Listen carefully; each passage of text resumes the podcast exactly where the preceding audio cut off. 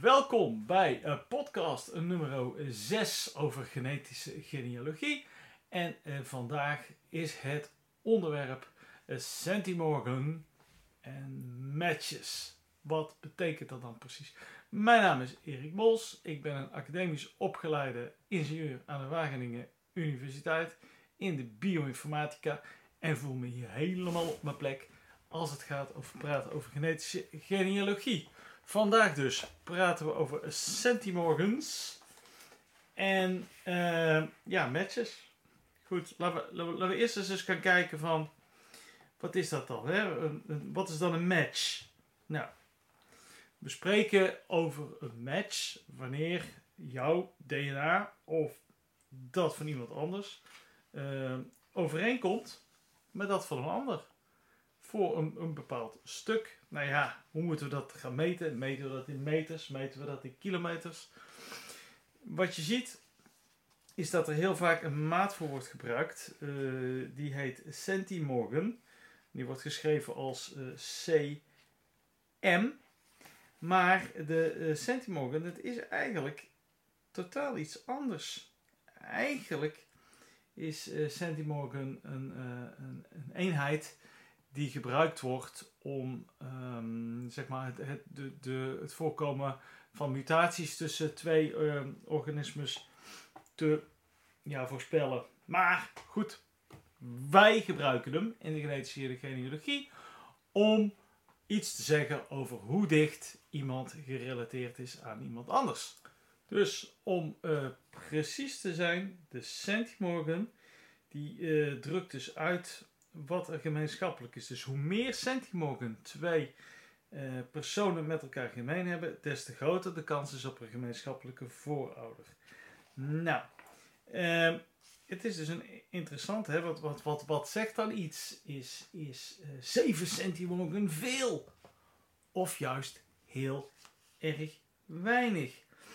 Ehm, als we ervan uitgaan dat je 3,3 miljard basisparen hebt, zoals ik dat uh, in eerdere uh, uh, pots al heb besproken, dan mag je ervan uitgaan dat jouw volledige genoom rond de 7400 centimorgen is. dat kun je eigenlijk zo niet zeggen, maar we doen het toch. om om daar even bij stil te staan, ik heb mijn DNA natuurlijk bij meerdere bedrijven getest. En ik heb mijn Ancestry resultaten, die heb ik ook geüpload bij My uh, Heritage. En dan zie je dus dat ik dat als score heb. 7400 centimorgen met mezelf. Nou, dat, dat, dat is interessant, hè? Want uh, als je dus weet dat in principe iedere keer kan halveren, dan zou dat betekenen dat je dus uh, met je kinderen, dus zo globaal gesproken, de helft van 7400 centimorgen zou hebben. Dus dat is dan iets meer dan 3500. Dat is heel interessant. Uh, ja, wat, betek wat betekenen die hoeveelheden nu? Wat is dan een interessant. Nou, je, je zou terug kunnen gaan tellen. Uh, dat is natuurlijk volstrekt hypothetisch.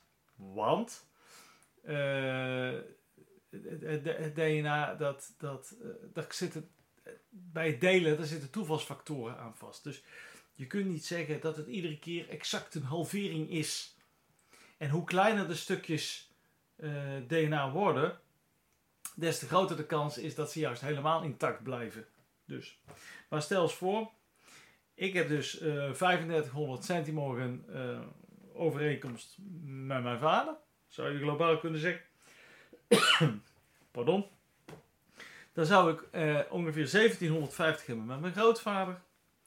875 centimorgen met mijn overgrootvader. 438 met mijn bedovergrootvader. En 220 centimorgen met mijn oudvader. Maar ja, die leven natuurlijk allemaal al heel lang niet meer. Dus daar kan ik mezelf niet mee vergelijken. Maar ik zou mezelf wel kunnen vergelijken met een, uh, een cousin.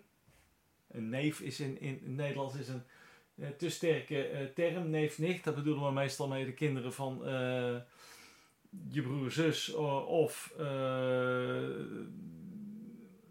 de kinderen van ooms en tantes. En, en niet verder. In Amerika hebben ze nephew en niece. En in Engeland. Maar kennen ze ook de term cousin. Een cousin, het is dan ja, familie die verder weg is. En we hebben in Nederland er eigenlijk niet echt een begrip voor. Dus daarom hanteer ik hier ook het begrip uh, cousin. Ik, ik, ik kan natuurlijk zeggen, die oudvader van mij, met wie ik 220 centimorgens uh, deel, ja, uh, daar we ook weer anderen vanaf. Hè? Mijn bedovergrootvader, wat zoon is van mijn oudvader, die had ook broers. En wat mag ik daar dan van verwachten? Nou, dan kun je hetzelfde doen. Naar deze generatie zou je iedere keer weer een stap naar, naar beneden kunnen gaan. Dus dan krijg je 170, volgende stap 117, 71, 48. En dan zou je dus betekenen dat je ergens op de 35 centimorgen rond dat getal uit zou komen. Voor in dit geval is dat de fourth cousin. Dus een vierde graad neef. Nou, uh, ik hoop dat, uh, dat Ruud luistert. Als hij als dat doet, dat is een vierde cousin van mij. Uh, en als hij eens een keer zijn DNA doet, dan zo hebben we een richtscore rond de 35. Goed, dus dat weten we. maar nu praat ik over centimorgen als zijnde in één stuk. En dat is natuurlijk niet het geval. Je ziet in die scores, als men over de uh, gaat spreken, er wordt niet alleen gesproken over het totaal aan centimorgans, maar er wordt ook gesproken over segmenten. En segmenten zijn dan stukjes. En dat zijn stukjes die vaak op verschillende chromosomen liggen. Dus 35 centimorgen met je vierde cousin, dat is niet zo uh, dat het dat altijd is. En het is ook zeker niet zo dat dat één stuk is. Dat kunnen meerdere stukken DNA zijn die verspreid liggen over verschillende chromosomen, die dan ook verschillende lengtes hebben. Wanneer wordt het nu tricky? Ja, het wordt uh, gecompliceerd wanneer eigenlijk de segmenten uh, kleiner worden dan 8 centimeter. Dus zo rond de 7 dan, dan zou je kunnen beargumenteren dat eigenlijk de kans dat wij zo'n match hebben van zo'n 7 centimorgen, uh, dat de kans dat, dat, dat we niet gerelateerd zijn vrijwel net zo groot is als de kans dat we wel gerelateerd zijn. En daarom gebruiken de meeste uh, genetische genealogie platforms eigenlijk alleen maar segmenten van boven de 8 centimorgen. Alhoewel het hebben van meerdere segmenten natuurlijk ook iets zegt. Vandaar dat je dan uh, vaak ziet dat alleen, alleen de matches onder de, het totaal van 8 centimogen worden weggehaald, weggehouden uit de resultaten. Nou, met die uh, kleine segmenten, daar, daar is nog iets, iets anders uh, van, van toepassing. Hè? Want ik zeg in principe, je DNA bij het maken van geslachtscellen, iedere keer wordt je DNA gesplitst. Dus, nou ja, het kan dus zijn dat zo'n segment ook gesplitst raakt. Maar je snapt wel dat als je segmenten hebt van 500 centimorgens, dat je die wel makkelijker uh, gesplitst kunnen raken dan een segmentje van 8 centimorgens. Moet ik dat misschien uh, als, als, een voorbeeld van geven? Stel eens voor, ik zit, ik zit hier in mijn kantoor en je moet weten, ik heb een hele grote hond. Uh, ik, ik, heb twee honden, maar één daarvan is erg groot. een Pyrenees berghond. En, en moet je voorstellen, als die hier mijn kantoor komt binnenstormen. En ik heb op de grond heb ik liggen een, koekje van 4 uh, eh, centimeter in doorsnede. Of ik heb een slagroomtaart op de grond liggen van 30 centimeter doorsnede. Als die hond binnenkomt stormen, welke kans is nou het grootste dat hij uh, uh, het in tweeën trapt.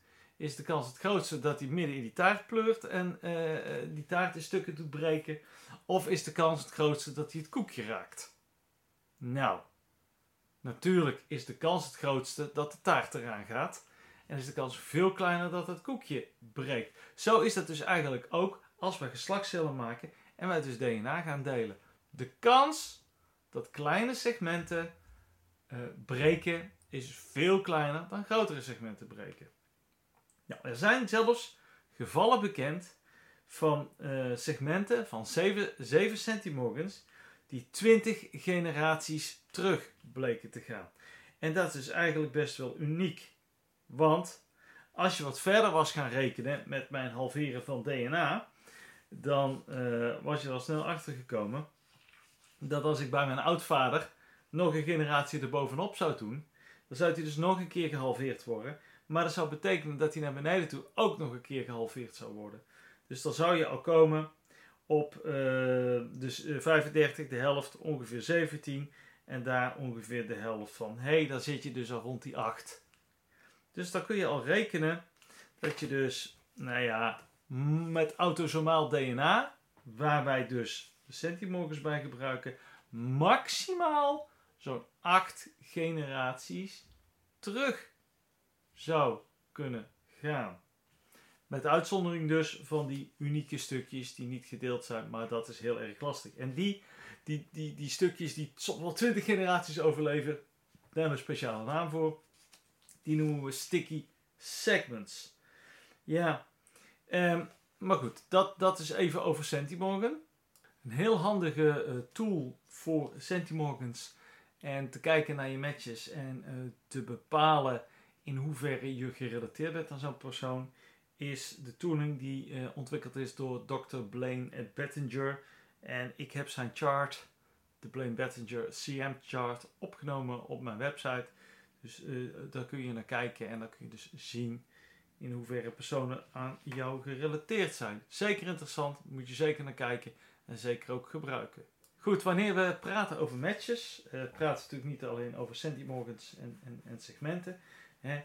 We, we, gaan ook kijken naar uh, de verschillen die er bijvoorbeeld kunnen zijn tussen de verschillende bedrijven.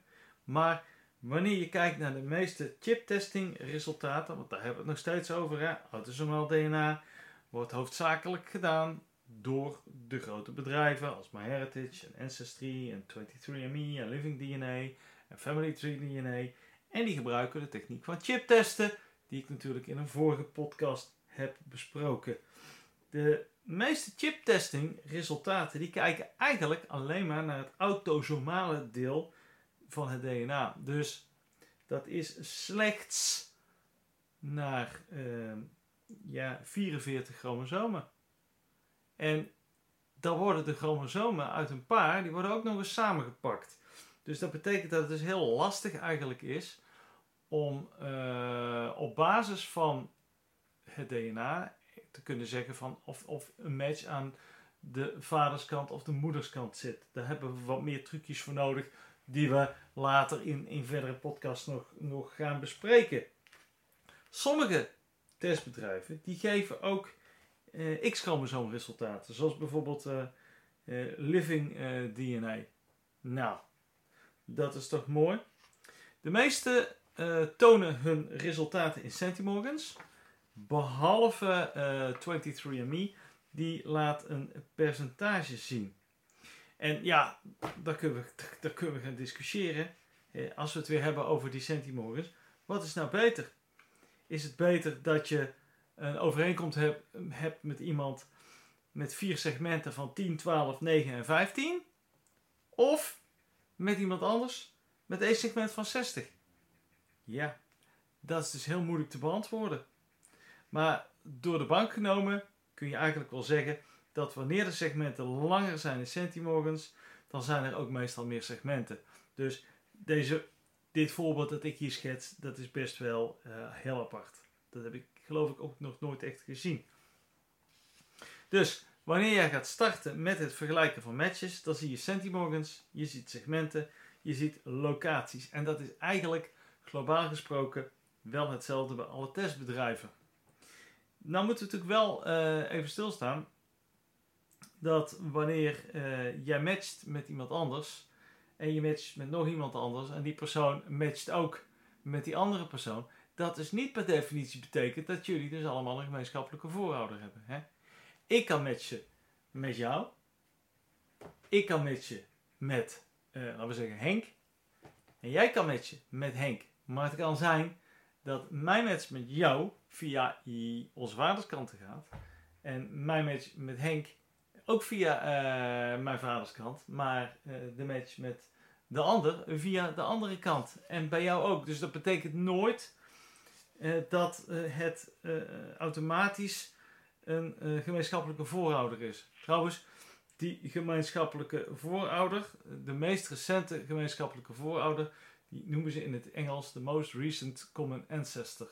En dat schrijven ze als MRCA. Nou, hebben we die er ook nog even in gepropt. Uh, heb, ik, heb ik nu voldoende verteld even over matches en centimorgans?